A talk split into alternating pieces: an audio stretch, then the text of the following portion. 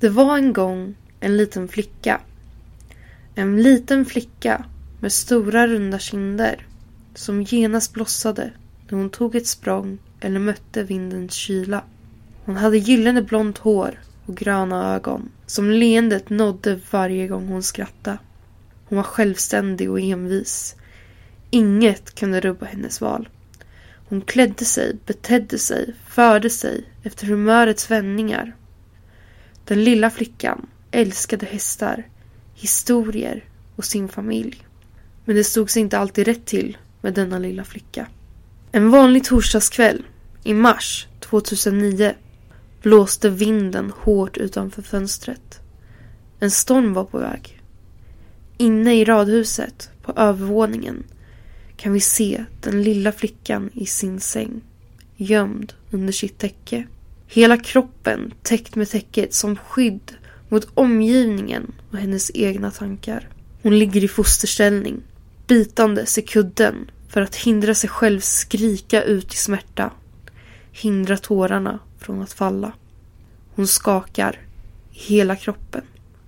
Hon är spänd och till slut klarar hon inte mer. Och tårarna börjar falla. Det här var bara en vanlig torsdagskväll. En torsdagskväll som alla andra. Denna rutin av smärta var dock vanligare. För den här lilla flickan var kvällarna, nätterna, de tuffaste. De påminde om morgondagens slit. Att hon än en gång måste resa sig upp för att möta deras röster, deras blickar och knuffar. Det här var bara en vanlig kväll. En kväll som alla andra. Det hela började i lågstadiet. Den lilla flickan, sex år, vandrade med stolta steg in på skolan. Hon var lycklig. Man kunde se det på hennes steg. Som var framåt och målinriktade. Hon var på språng. Mot framtida erfarenheter. Mot livet. Det var inte som att hon var ensam. Hon hade vänner.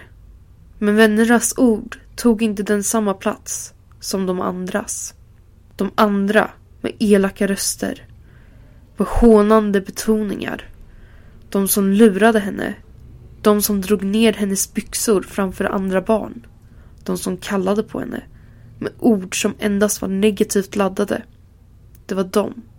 Det var de som präglade alla hennes sinnen. Du är ful. Du är tjock. Du ser ut som en gris och äter som en häst. Kolla på dig själv. Inser du inte hur ful du är? Du är värdelös. Kolla dig i spegeln någon gång och inse hur tjock du är. Kolla runt din midja. Du är en gris, du stinker, du är pinsam. Varför vill de vara vän med dig? Du kan inte ens springa fem meter. Du är fet. Kan du inte ens göra en ordentlig sit-up? Tjockis. Pinsam. Hopplös. Ful. Äcklig. Idrottslektionerna var värst för den lilla flickan. Det var rädslan inför dem som tvingade fram tårarnas och sorgens kraft varje kväll. Alltid sist vald var hon. Hennes korta ben bar henne inte lika långt eller fort som de andra barnen, hur ofta hon än försökte. Hon hade begränsad kraft i sina armar. Hon kunde inte kasta lika långt som de andra. Suckar förekom alltid när hon blev vald i brännbollslaget. Hon var bollrädd. De satte henne alltid i mål. För att se hennes tårar när bollen väl närmade sig henne i hög fart. För att sedan skratta högt åt hennes rädsla. Hon hade inga magmuskler. Hon kunde inte göra en ordentlig situp. De andra kom och tittade på henne varje gång hon försökte. Skrek åt henne att komma högre upp medan hon kastade huvudet bakåt och vek sig fulla av skratt. Läraren skrattade också.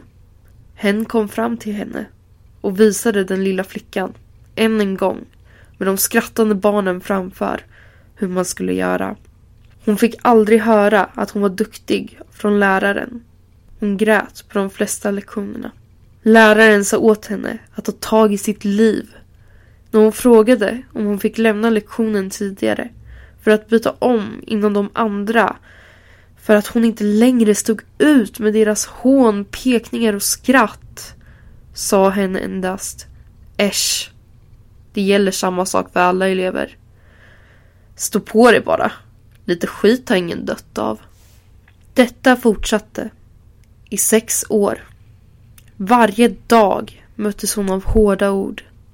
Varje kväll grät hon av deras röster som gjorde sig påminda i huvudet.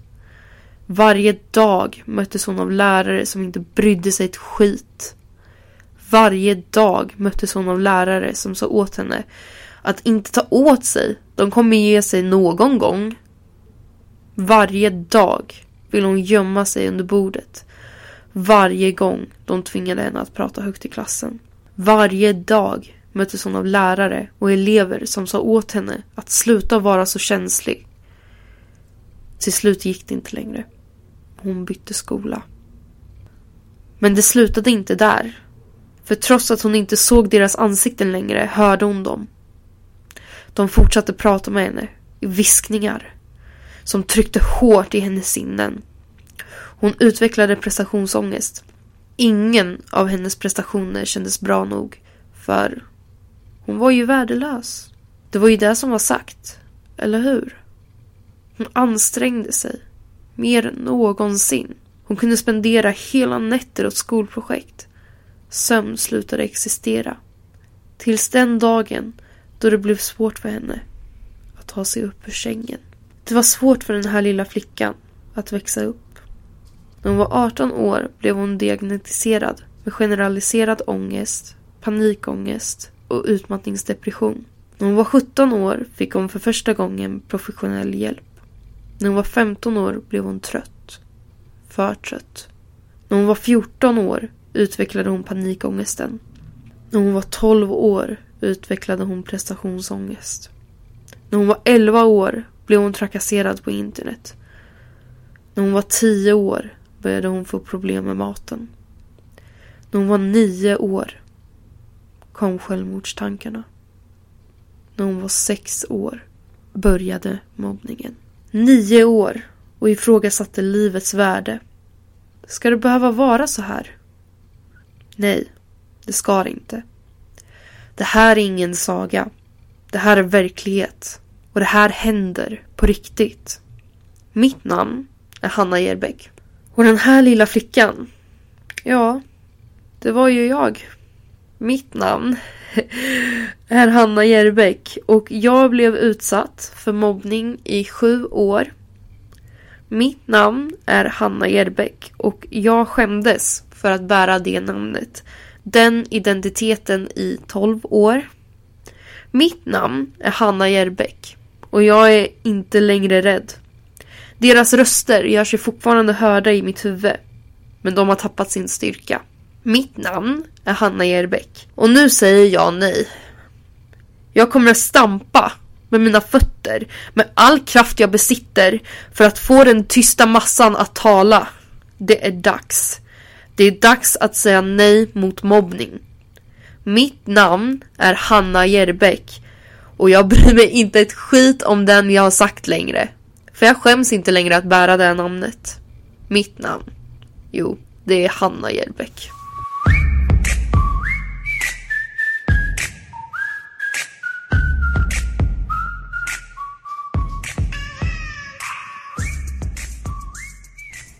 Du lyssnar på Problempodden.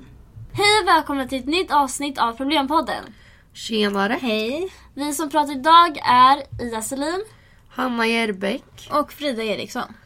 Yes. Så idag kommer vi prata om mobbning. Vi går direkt på ämnet för att jag tycker inte det är okej att dadda runt det lite. Utan vi går direkt på det. Rakt på sak. Ja, det är inte okej så vi måste prata om det direkt nu. Så mobbning, som ni hörde på historien, har mitt liv i princip bestått utav mobbning. Mitt liv har formats utav mobbning och jag själv har formats utav mobbning och det är inte okej och nu har jag fått nog. Jag är lite irriterad som ni kanske hör på min röst. Jag är, eller jag är väldigt irriterad för att jag, jag var så under så många år så ledsen över det jag gått igenom. Men nu är jag bara arg.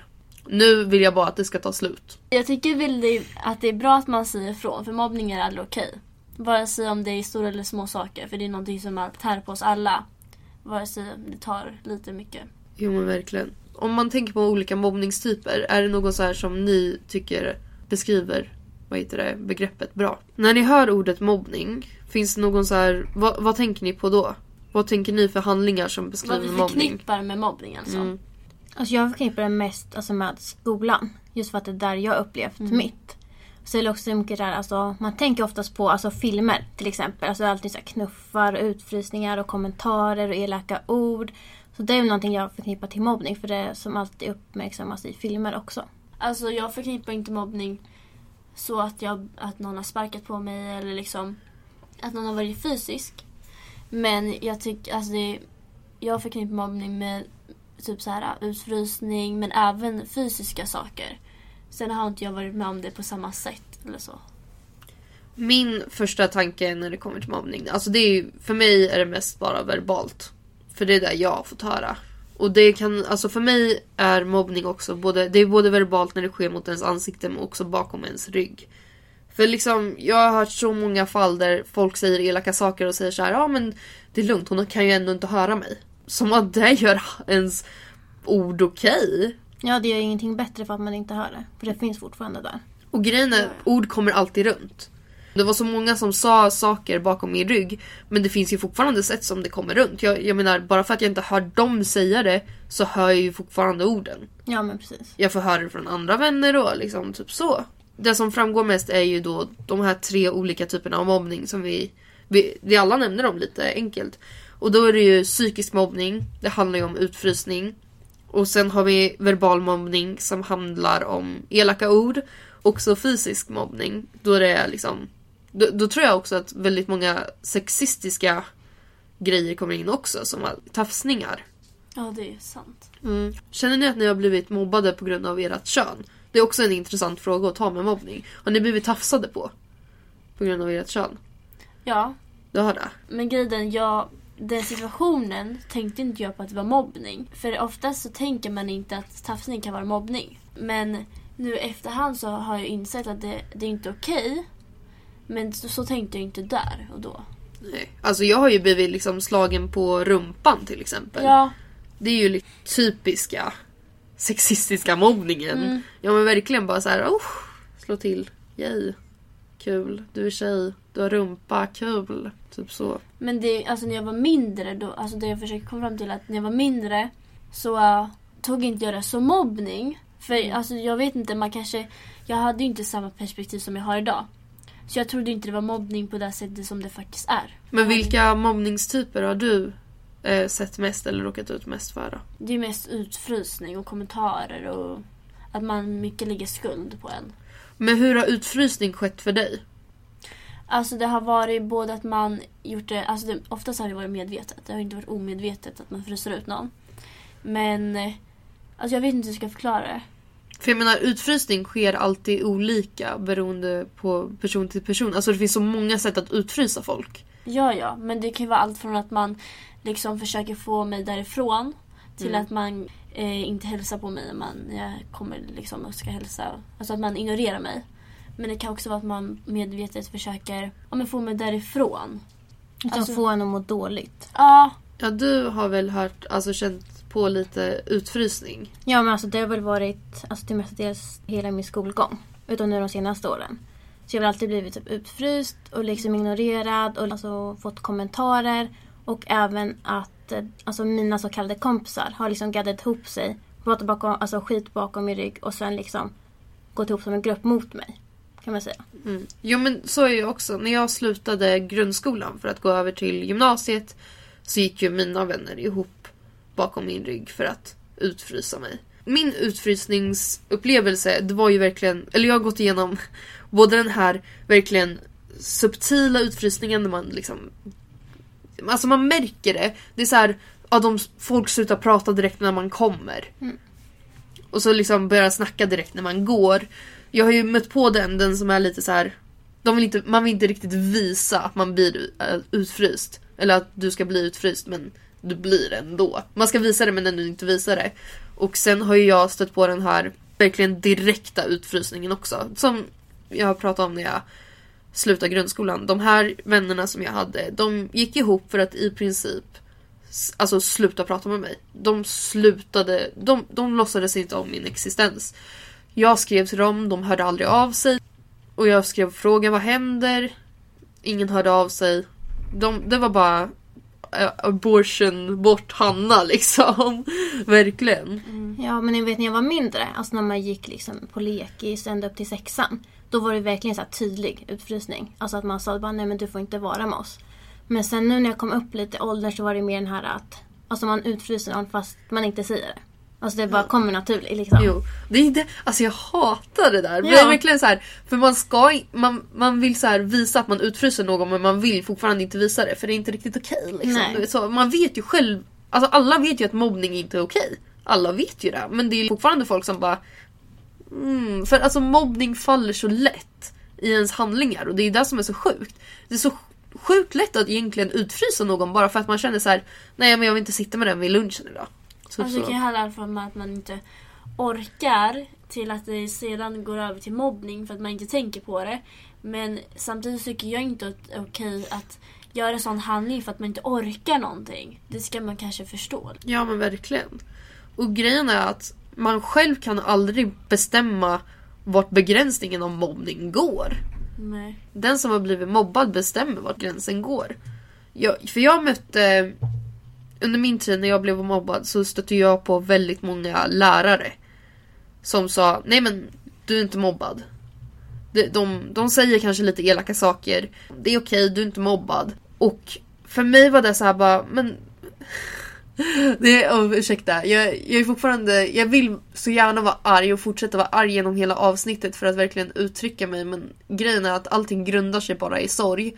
För jag är bara så ledsen för att Alltså det är därför, det är lite svårt för mig att prata plus jag är jätteförkyld så om jag snurrar så är det både på grund av att jag är ledsen och för att jag är förkyld. Ehm, nej, så lärare sa till mig att ja men du är inte mobbad. Man börjar ju tvivla på sig själv och då börjar man ju ifrågasätta också Ja men är det okej att folk beter sig som svin mot mig?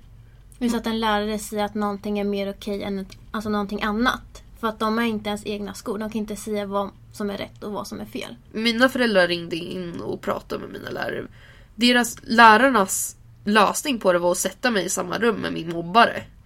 Och bara, ja men ni får prata om det. Men det löser liksom ingenting. Nej. Kan ni tänka er mig då som blir mobbad, aktivt mobbad av den här personen, få sitta i ett rum med den här personen och titta den i ögonen och, jag var sju år. Hur Liksom ska det- man hantera ja. det? Det är liksom det sista man vill. Där Ja. sitter med sin mobbare och säger ja, jag tycker inte du beter dig bra. För att det kommer, alltså som jag upplevt kommer det bara bli värre. Okej, Man sätter sig själv i ett underläge där man själv känner att man sätter sig på en mindre nivå. Och det är ju det mycket handlar om, att mobbaren vill ha ett övergrepp över den som mobbas. För att, och då när man sätter sig i ett rum så, så blir det att mobbaren känner att den har ännu ett högre eh, liksom, övertryck, eller mer makt. Och på så sätt blir det ju att man känner sig ännu mer mobbad på ett sätt. För man inser det på ett annat sätt.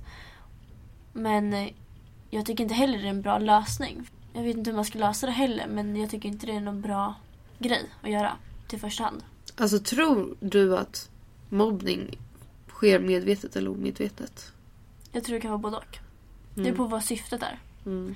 För grejen, jag har oftast hör, hört så här, ja men den och den personen mår dåligt. Och då är jag så här, ja, men bara för att den mår dåligt så är inte det okej att den mobbar.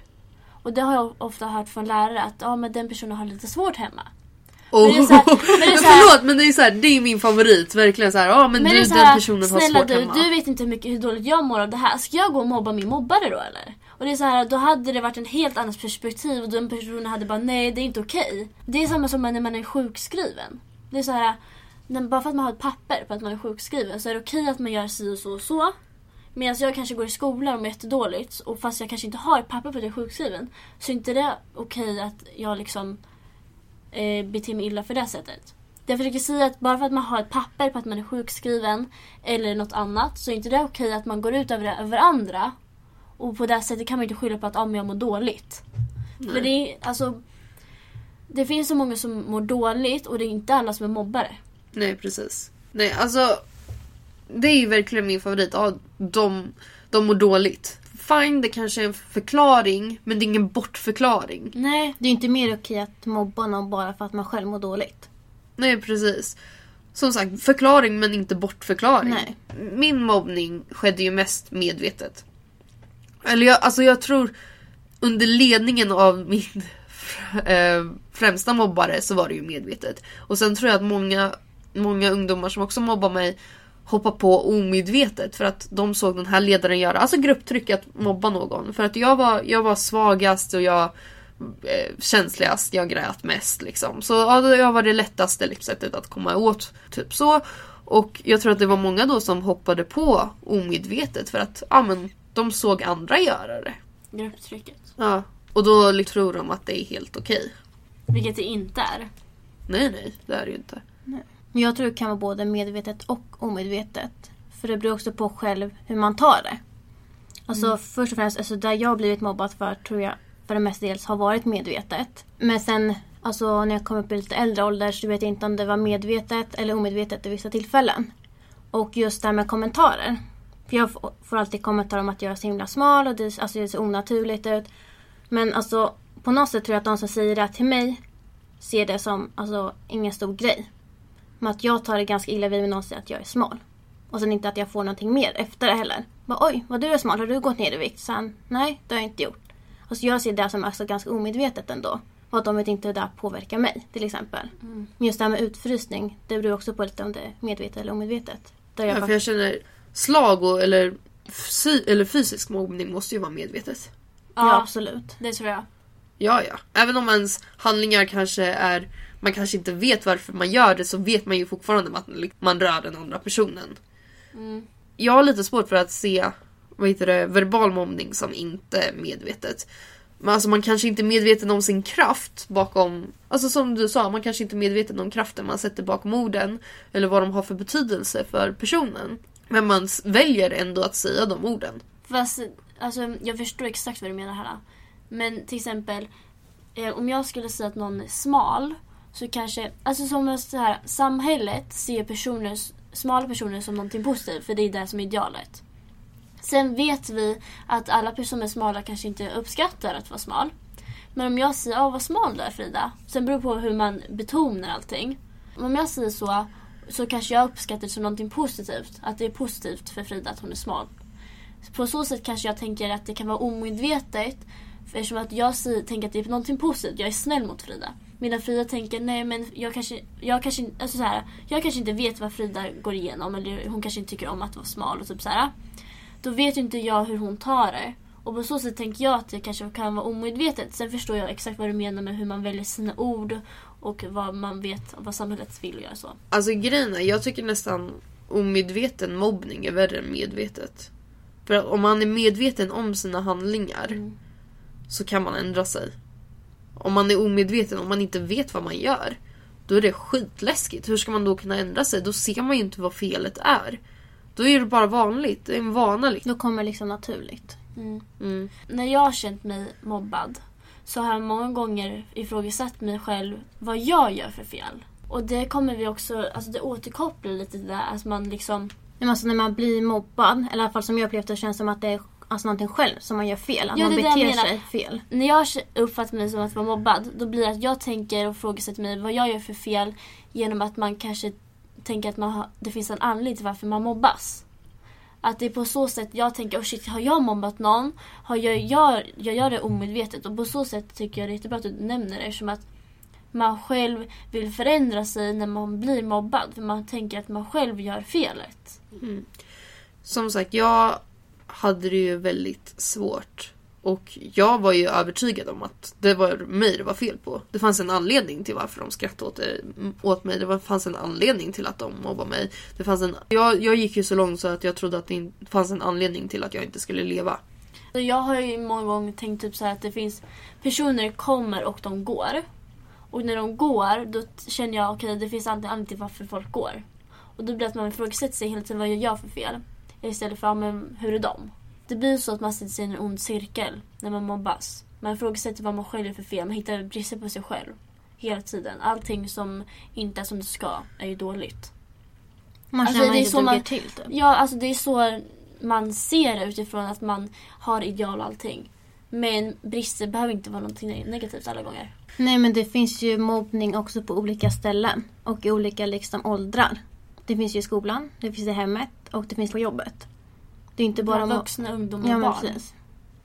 Ja, ja, alltså mobbning förekommer överallt. Och jag tror vi också upplevt det på olika ställen. Mm. Mm. För han du har väl upplevt? Alltså mitt var ju helt och hållet i skolan. Ja. Allt förekom det på skolområden. Så, alltså, eller så att säga. Så jag har väl mest erfarenhet där.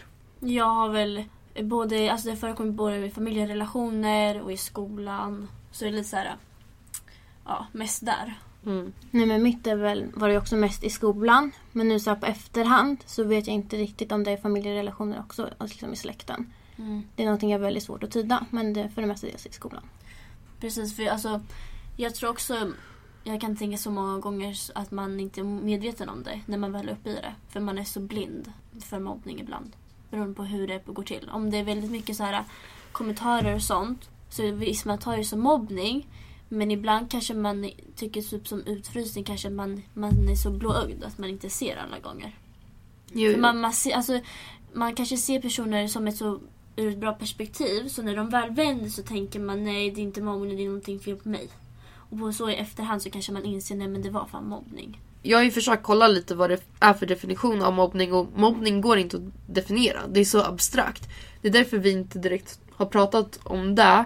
För mobbning är så personligt. De flesta brukar ju känna att mobbning är när trakasseringar eller diskriminering sker. Eller vad säger man? Upp, när det upprepar sig. Men som sagt, det är ju så personligt och jag tycker det är så synd att det är ett abstrakt Alltså jag förstår att det är positivt att det är abstrakt för att det är personligt men samtidigt så tror jag att många ser förbi det att de kan göra, alltså ser förbi det att det är okej liksom. För att det är inte mobbning. För att det finns ingen som säger det här är mobbning. Utan man bara, ah, man, man känner att man kan töja lite på regeln. För att det finns ingen gräns. Mm. Så tror jag att det kan bli. Men Ja. det tror jag också för ibland kan det vara fin, fina kommentarer. Typ Ja. såhär, eh, man skämtar om det men det är så här, det är inte ett skämt egentligen. Och då blir det att det blir så här som fin gräns att man töjer på den och så sätt blir det att man kanske tar illa upp ändå. Mm. För som mobbare så kan man ju liksom inte direkt... Jag tror att man inte direkt ser. Man ser ju ingen gräns. För att det är ju det är en personlig. Det är, ju som, det är som att jag sitter här med min... Jag som mobboffer har min egna bubbla. Om vad jag anser är liksom, ja nu kommer du för nära, det här är inte okej. Som mobbare ser man inte den. Utan då är det så här, bara, oj oj oj, jag kan flyga över dig, jag kan vara under, jag kan vara, jag kan vara precis bredvid. Ja men det är ju så. Och själv inte ens inse det. Men en mobbare har ju, tänker väl också att ja men du har gjort det här mot mig, nu gör jag det tillbaka fast dubbelt så hårt. Det skulle kunna vara så. Mm. Det är inte alla som är så. Nej nej nej. Nej. Men så må- många gånger kan det vara så. För att man själv ja, men är så sårad. Ja men precis. Och då skiter man i gränsen också. Ja men precis. Ja, ja. alltså det, nu tror jag, jag tror jag mer tänker så här att det, det som jag beskrev var omedvetet och det som du Mm. beskriver är medvetet. Ja precis. Mm. Jag tror inte mobbare alla gånger ser det faktiskt påverkar. Alltså man ser att det påverkar den man mobbar. Men jag tror inte mobbaren ser hur, själva, alltså hur allvarligt det faktiskt kan påverka en. Nej, alltså jag är lite fundersam, eller alltså jag funderar väldigt mycket kring det för att vill, vad är det mobbare vill få ut av det? Är det en reaktion? För jag menar de flesta såg, de som mobbade mig såg ju mig gråta. De fick, fick de där de ville då? Alltså jag vet faktiskt inte vad mobbare har för avsikter. Och vad de, får, alltså vad de tjänar på att få en annan att må dåligt. Nej jag vet inte. Det beror på vad syftet är. Om, det, om man är ett eh, gäng eller någonting, alltså kompisgäng. Så kanske syftet är att du, man vill vara själv med den kompisen. Alltså då är det syftet att man ska få ut den. Men, eh, eller om man vill ha någon person för sig själv, eller liksom hur man nu än tänker. Men jag tror också det handlar mycket om makt. Där man vill känna sig stor, man vill känna sig bäst. För att liksom höja sig själv genom att trycka ner andra. Mm, för självförtroende kanske är så dåligt. Mm, det skulle kunna vara så. Eller jo, det måste vara så. Alltså det finns ju hur många olika det. perspektiv på, som helst varför är mobbna, mobbare är mobbare. Mm. Så är det ju. Men det vore ju Ja. hemskt om man gör det medvetet bara för att det är kul. Eller för att man själv ska, alltså att man är så egocentrisk att man själv ska höja sig. Ja. Det finns andra sätt. Vi, som sagt, det, vi glömmer hela tiden. Det känns som vi glömmer det hela tiden. Men vi måste påpeka också, vi är inga experter, vi är inte psykologer. Vi vet inte varför. Nu är det som sagt, det här är bara egna tankar. Egna Från mobboffer. Ja. Vi kan väl alla säga det, vi är mobboffer allihopa. Liksom. Mm. Så, ja jag vet inte. Alltså det, det känns ju verkligen så här att har ni råkat, eller vad tänker ni med rykten då? Om vi pratar om i verbal mobbning. För eh, psykisk mobbning var ju det här utfrysningar och utfrysning har vi ju pratat lite om att det kan väl ske väldigt subtilt eller liksom direkt. Men rykten, har ni råkat ut för det? För jag kan tänka mig att det är hemskt. Alltså jag har inget direkt rykte att jag, någon har liksom, att det gått runt att jag är någonting eller att liksom så. Det tror jag inte. Eller i alla fall inte vad jag vet. Nej. Liksom. Nej inte jag heller. Nej, Men jag kan tänka mig, alltså jag kan inte, jag kan inte. Nu om jag bara försöker sätta mig ett ryktoffer eller vad man nu säger, position. Jag kan bara tänka mig hur hemskt det skulle vara. För att då är man ju så, man är, alltså grejen är med alla off, eller varje gång man blir ett mobboffer så känner man sig så försvarslös. Mm. Och det kan jag tänka mig med rykten också för då är det, då är det så många som är inblandade. Alltså man vet ju inte hur man ska vända det till att alla ska tro på en själv. För man är ju själv så liten. Och hur många tror på det som redan sagts. Liksom. Och då, då tror ju de som är, håller med om ryktet, tror inte på den som verkligen bär på det. Eftersom att man är själv och man är så många. Alltså det här avsnittet är väldigt... Vi har, vi har inte direkt någon så här speciell mall utan vi pratar väldigt fritt just nu för att det, det, jag tror att man behöver göra det med mobbning. För att verkligen komma runt. Vi behöver tänka runt. Vad fick din mobbning för konsekvenser på ditt välmående? Jag mådde ju skit. Alltså jag mådde ju verkligen inte bra. Ännu mer när det förekom på olika ställen för då visste man inte vart man skulle ta sig. Alltså det var ju en konsekvens av att jag inte kände mig trygg någonstans. Jag visste inte vart jag skulle ta vägen för att eh, någon skulle tycka om mig. Alltså jag kände mig så värdelös, jag kände mig inte omtyckt, jag inte älskad. Det var ju verkligen hemskt. Alltså det, man som person känner ju sig väldigt bortkastad. Jo, jag brukar oftast hata de här av mobbning gör dig starkare. För att mobbning gjorde mig så helvete inte starkare. Jag kan helt och hållet säga att mobbning förstörde en större del av mitt liv. Jag sitter här nu med flera psykiska sjukdomar, med dåligt självförtroende, med genomlidit massa svåra saker för, på grund av mobbningen, på grund av att andra människor valde att vara elaka mot mig. Så jag hatar folk som säger att ah, men mobbning kommer, det kommer göra dig starkare. Liksom. Det, alltså jag förstår. Men det är inte Jo, så här, alltså, man nej. vill ju inte gå igenom mobbning för att man ska bli stark. Det är så här, Nej, precis. Alltså grejen är, jag förstår det här, ja ah, men du jag, att jag kan, för jag känner mig, nej precis som du sa.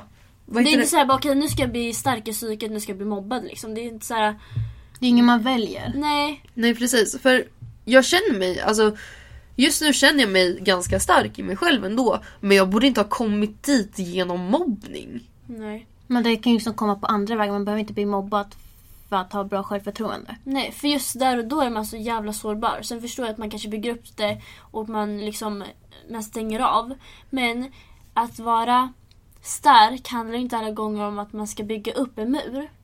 Och vara stark genom det, att man har ett bra självförtroende via det.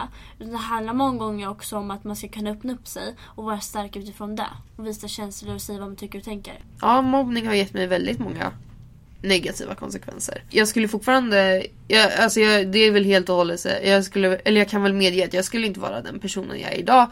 Men jag skulle hellre vilja hitta den personen som jag egentligen är på ett fritt och tryggt sätt. Istället för att gå och gömma mig i flera år för mitt jag. Jag håller med om att mobbning inte har gjort mig starkare.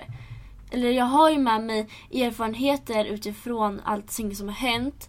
Vilket gör att jag på ett annat sätt fungerar, alltså jag fungerar på ett annat sätt idag. Och kanske via det är starkare. Men jag har fortfarande med mig allting som gör mig så jävla sårbar om någon nämner om det. Så på det sättet så är allting fortfarande jättekänsligt. Och jag är inte starkare så sätt. Nej, nej, alltså på riktigt om folk skulle kommentera vad jag äter eller hur mycket jag äter idag. Alltså det är det är ju ett direkt slag i magen. Alltså då, jag kan ju börja gråta direkt då också. Måste jag känna att mobbning har inte gjort alltså, mig starkare. Alltså det är ju själva min omgivning som har hjälpt mig. Det är inte så att jag liksom har börjat tänka efter efter jag blivit mobbad att liksom lärt mig någonting från det. Utan det är folk i min omgivning som har fått mig att bli starkare. Och inte mobbningen. Mm, precis. Ja. Alltså det är ju typ ens insikt som har ju fått eh, en att bli starkare genom att tänka att, att de typ inte är så jävla mycket bättre än man, man trodde just där och då. För som mobbad tänkte jag kanske att de eh, som mobbar är så jävla mycket bättre än mig. Alltså det är därför de gör det de gör. Vilket så är det inte. Så är inte fallet. Men jag känner att mina konsekvenser har väl mest varit att jag inte har känt att jag har liksom varit tillräckligt bra. Att mig, alltså jag själv inte har dugit till och eh, på något sätt fått låtsas vara någon annan för att liksom passa in och inte bli utfryst. Och jag har fått väldigt dåligt självförtroende just för att jag blivit så nedtryckt. Ja, precis.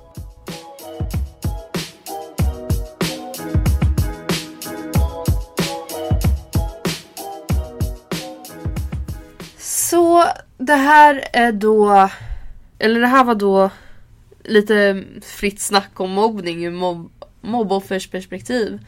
Men vi på Problempodden vill ju som sagt se förbi det här. För som sagt, med min mobbningupplevelse har mått så jävla dåligt. Men nu mår jag så mycket bättre. Jag har tagit mig till ett ställe där jag mår bättre. Och det finns sätt att hjälpa sig själv. Och jag tror att vi kommer, vi behöver prata om det också. Det känns så hemskt för jag vill inte, jag vill inte prata om det egentligen. För jag vill inte att det ska behöva vara så här. Ursäkta nu blir jag upprörd igen. Jag vill inte att det ska behöva vara så här. Jag vill inte att jag ska behöva kunna prata till, ut till mobboffer där ute. Eller folk som känner sig illa behandlade. Men det är så hemskt att jag måste göra det.